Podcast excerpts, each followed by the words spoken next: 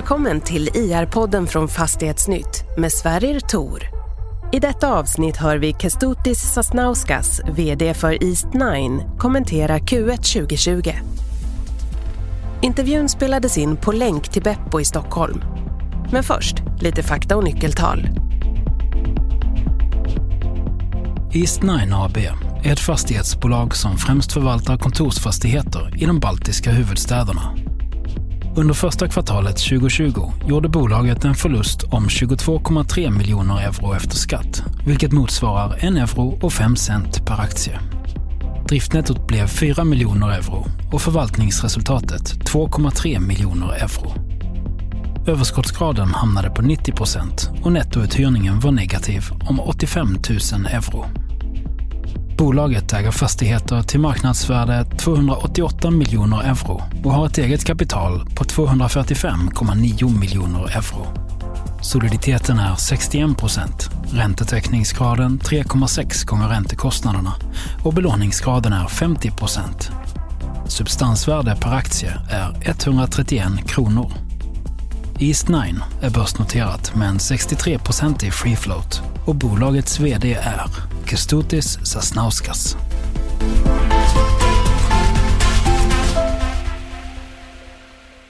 Hej Kestutis och välkommen till IR-podden. Tack! Och kul att vara här även på distans. Ja, kul att ha med dig som vanligt. Och det är som du säger, vi är på distans. Det är ju coronatider nu. Så man får ju börja med frågan, hur, hur mår du? Jag mår faktiskt väldigt bra.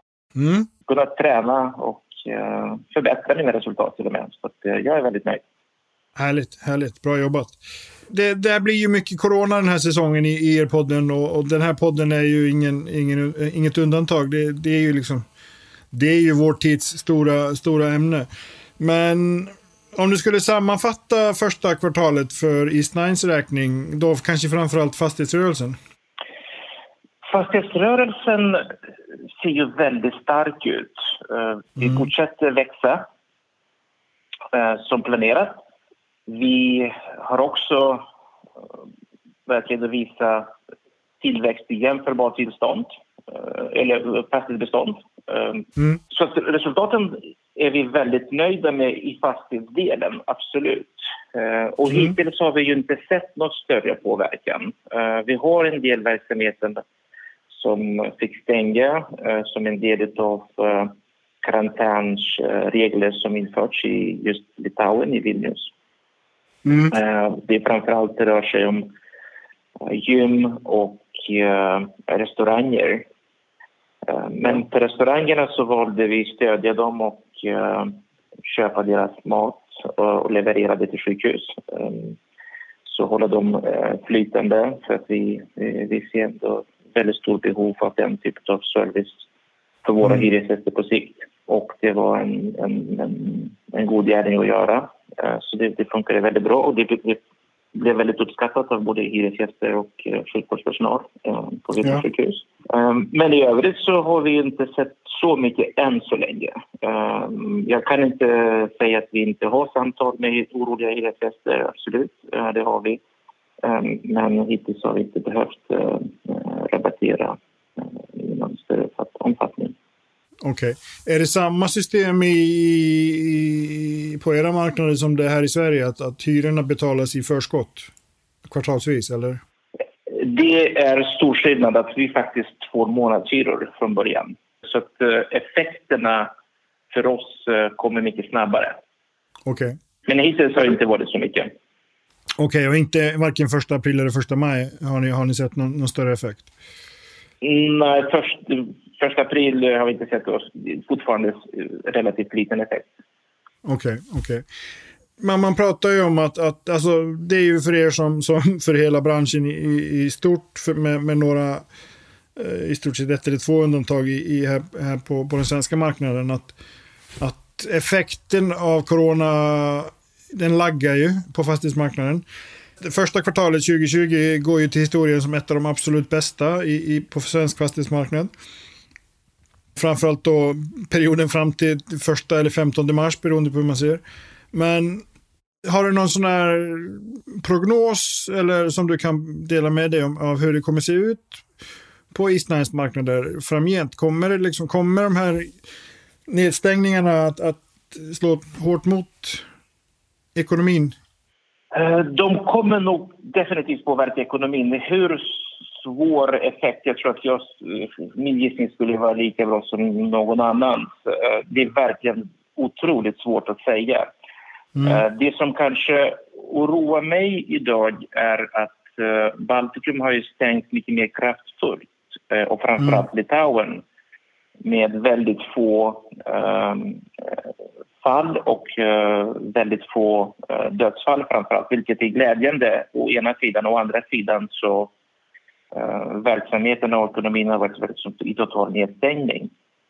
Mm. Uh, och just hur den här öppningsprocessen kommer ske och vilka effekter den kommer ha jag tror att det kommer ta längre tid att öppna upp en sån ekonomi som har varit lite större stängning och framförallt med eh, grannlandet Sverige som har haft lite annorlunda hållning.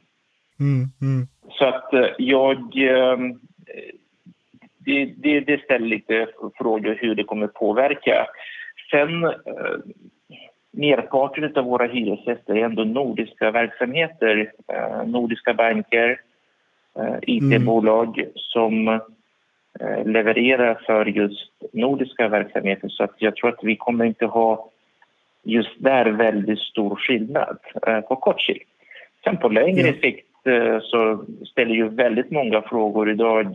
Hur kommer vi använda kontor framöver? Mm. Och jag tror att det är första gången i världshistoria som en sån exercis sker att i så stor omfattning eh, flyttas jobbet från kontor till hem. Mm, mm. Och eh, om, om det kommer ha lång, det måste ju ha, i alla fall kommer ha någon form av långsiktig effekt. Ja, och det finns ju, finns ju spännande, spännande utveckling där. Jag såg igår till exempel Twitter tror jag det är, har ju bestämt att de kommer inte, även efter corona kommer de ju jobba mycket mer hemifrån. Ja, Eh, och, och, det är ju någonting som... Tittar man på fastigheterna som sådana, det är ju väldigt stor kapitalvara så att säga, som används mm. ganska ineffektivt. Um, um, både att man använder bara ett antal timmar om dagen och både hem står tom eller, eh, eller kontor står tomma på kvällarna. Ja, ja. Så den kanske kommer bli lite större förening mellan kontor och hem på sikt. Men hur det kommer slå ut, det är ju det är väldigt svårt att, att uh, gissa sig till. Ja, precis. Det finns ju, fanns ju för några år sedan ett, ett jag vet inte om det finns längre, ett delningsekonomiföretag som hette Hoffis. Ja. Då var det hem, hemma, alltså man kunde hyra ut sitt vardagsrum till människor som ville jobba på dagarna.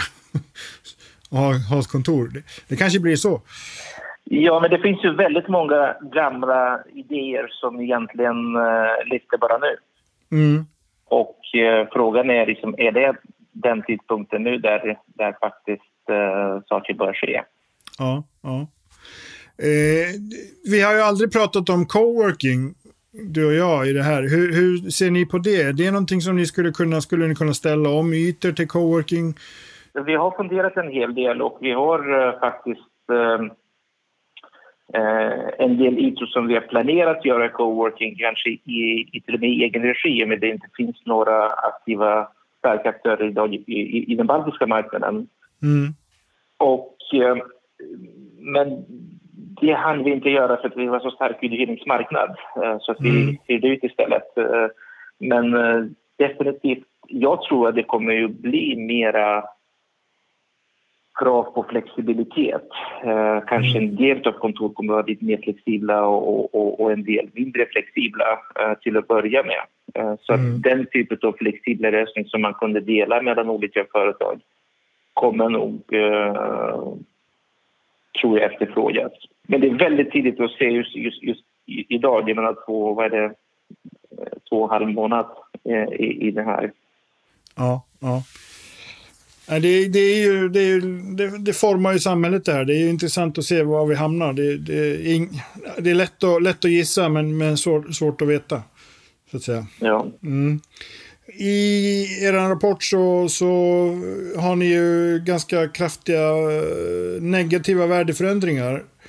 Eh, vilket leder till ett negativt resultat också. Men Om, om vi fokuserar först på, på fastighetsrörelsen så har ni ju där 2,7 miljoner euro. Eh, alltså typ 30 miljoner. Och det är ju en coronaeffekt antar jag? Det är eh, delvis ja, coronaeffekt kan man säga för att det, det handlar mest om uh, lägre inflationsförväntningarna och uh, viss reservering för uh, eventuella förluster. Och, så det kan man säga det är coronarelaterat, ja. Så det är en försiktighetsåtgärd kan man säga, eller? Det är en försiktighetsåtgärd och det är första gången vi värderar hela portföljen nu av en oberoende part. Okej, okay, okej. Okay. Eh, sen har ni ju ert, ska man kalla det sorgebarn, Mellon Fashion Group. I det här, nu är det ju ett sorgebarn, men... men... Kanske inte sorgebarn precis, men eh, eh, det är ett fantastisk verksamhet som eh, tyvärr, eh, som väldigt många verksamheter i detaljhandel, mm. var tvungna att stänga sina butiker eh, som en del av eh, karantänsåtgärder just i Ryssland. Mm. Eh, så Mellon påverkas definitivt negativt av detta. Yeah. På kort sikt definitivt eh, negativt i och med att eh, samtliga butiker varit stängda eh, sedan 1 april. Nu gradvis mm. börjar de öppna. Eh, igår hade vi 31 butiker öppna och eh, jag tror att eh, nu gradvis kommer de öppnas mer och mer. Men på sikt så tror jag faktiskt att Mellon kommer ut Eh, mycket starkare ur den här krisen. Eh, okay. Så som det har gjort eh, i väldigt många kriser förut, både så tidigt som 98, 2008 mm. när man startade en varumärke och 2014-2015 den stora ryska devalveringen som en följd av också oljekollaps då. Mm. Eh, mm. Så jag, eh, jag ser på sikt som ett uh, faktiskt sund omskakning i branschen samtidigt som just Mellon gått in i, från en väldigt stark position. Mm. Både i väldigt stark finansiell ställning men också med ett enormt starkt kunderbjudande. Så får vi se. Jag menar, ja, implikationerna på valutan är ju ingenting att göra. Det är en mm. rysk tillgång med, som säljer i rubel. Eh, och där eh, måste man bara justera och sen eh, överhuvudtaget lite försiktighetsåtgärder att reflektera de eventuella förluster, eller inte förluster, ja, förluster blir ju i alla fall så att det minskade försäljningen helt enkelt under året och, och, och sen antagligen framåt. Mm. Ni, ni har ju den här exponeringen mot Ryssland som är ju, som du säger, en oljeekonomi, ganska volatil sådan. Eh, ni har, det är Ruben som, som är ju också skvalpar runt lite. Eh, ni har ju haft planer att sälja den. Den skulle väl säljas i år. Känner du att finns det någon risk att den planen behöver skjutas på framtiden? Den är definitivt framskjuten på framtiden. Eh, det går okay. inte att göra någonting. Det går inte att resa. Det går inte... Eh, så att eh, jag tror att det är väldigt osannolikt att det händer i år tyvärr just på okay. grund av corona. Okej, mm. okej. Okay, okay. Nu, hur ser det ut? Du, du nämner ju att, att uh, era, era marknader har ju varit ganska hård karantän jämfört med den svenska. Hur, hur ser det ut framgent? När tror du att de börjar luckra upp så att det kommer tillbaka till någon form av vanlig vardag? Det har börjat luckras upp gradvis. Men när man haft en väldigt kraftfull åtgärd från uh, regeringens sida så ser vi också att eh, det, det, är väldigt, det påverkar också oron för sjukdomen eh, bland befolkningen. Ja. Vi, vi, diskuterar mycket mer hur vi ska uh, se till uh, att uh, folk är skyddade mm. på kontoren, hur man ska kunna röra sig inom kontoren och, och så vidare. Så att, jag tror det rent generellt är, är väldigt, väldigt mycket fokus på just eh, det och mycket mer kanske än vad man, man ser och hör i Sverige där det varit lite, lite lugnare. Mm. Men i övrigt så gradvis börjar vissa verksamheter öppnas eh, och det stora oron för mig är ju eh, en, en öppning kommer ju förmodligen leda till någon form av ökning av fall och mm. nya fall. Och hur kommer man agera då? Ja. Kommer det bli en ny stängning, nya begränsningar? Så det här kan ju dra ut i tiden ganska rejält. Mm. Och, och, det är det som kanske är den stora oron. Nu är jag inte särskilt orolig just ur den aspekten för vår verksamhet för att som jag sa, merparten av hyresgäster ändå är väldigt stabila och fokuserar på, på den nordiska verksamheten med bankerna. Det är IT-bolag. Men det kommer ju påverka de kanske de mindre, eh, framförallt konsultverksamheterna eh, och de övriga. Mm, mm.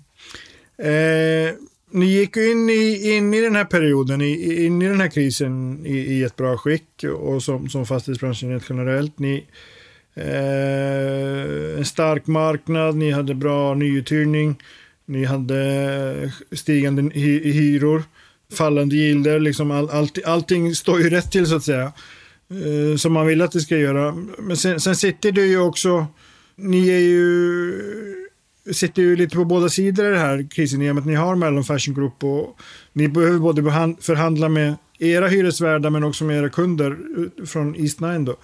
Alltså din bild av var vi kommer ut ur det här. Tror du att det finns någon form av positivt scenario där liksom, när alla de här domedagsprofetiorna man får höra är ju ganska dystra. Men tror du att det finns ett mer positivt scenario där man kan komma ut? Jag tror det blir väldigt, väldigt mycket mer fokus på effektiviseringar. Och där tror jag att det kommer bli väldigt större, mycket större skillnad mellan också den kvalitet man erbjuder. Mm. Att det kommer bli för vi pratar någonting om flight to quality, så att säga. Att folk söker sig till mer kvalitativa kontor, eh, kanske mer centralbelägna lägen. Man kanske mm. minskar på ytorna totalt men inte ökar sin totala hyreskostnad eh, som företag. Eh, så den typen av trender tror jag vi kommer få se och kanske lite snabbare än och man har kanske delvis sett en hel del den typen av saker hända även i Stockholm. Mm. Sen hur ekonomin kommer komma ut, det är verkligen, jag törs inte spekulera. Det kan gå åt vilket håll som helst nästan. Eh, känns det som det kan faktiskt komma väldigt snabb återhämtning också. Bara att vi får slut på...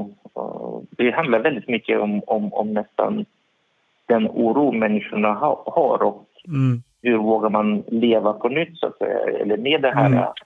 eh, viruset i bakgrunden. Eh, så det finns så många olika utfallsmöjligheter att det är nästan, nästan till omöjligt att, att spekulera. Man nästan tar man får ta femten nästan varje dag. Ja, lite så är det ju. Lite så är det. Ja, tyvärr. Så jag, jag, jag har inga, inget klokt inspel i det här faktiskt. det låter som att du har ganska kloka ändå. Eh, det är alltså börjar runda av. men, men och, och, vi lär ju få prata lite om corona nästa gång också. Men om du har en önskan om, om vad, för det handlar ju väldigt mycket om, om stödåtgärder nu och sånt där. Vad, vad, ser du som är det viktigaste som ni, ni skulle utifrån East Nines verksamhet behöva se för att liksom, stötta era kunder, stötta er verksamhet?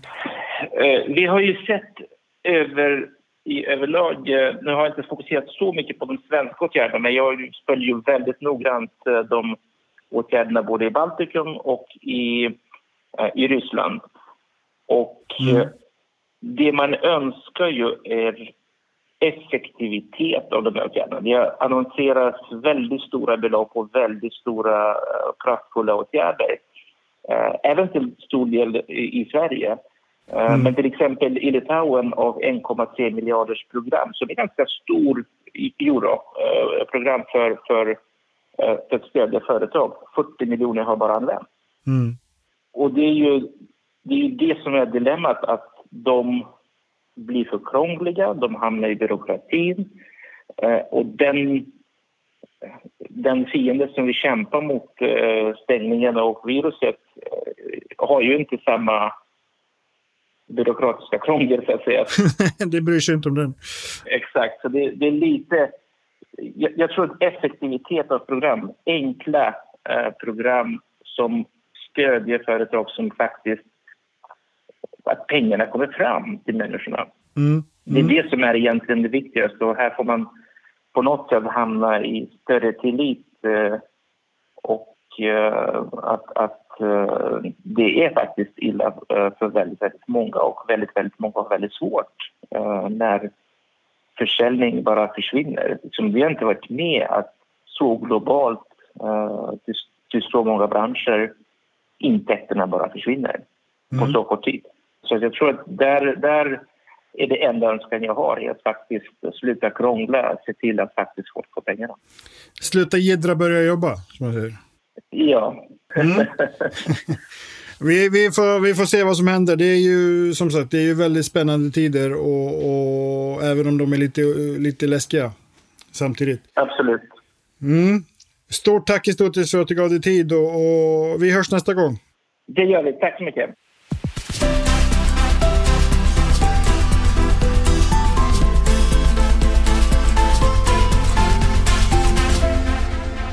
Det här programmet görs på Beppo. Beppo. Beppo. Beppo.se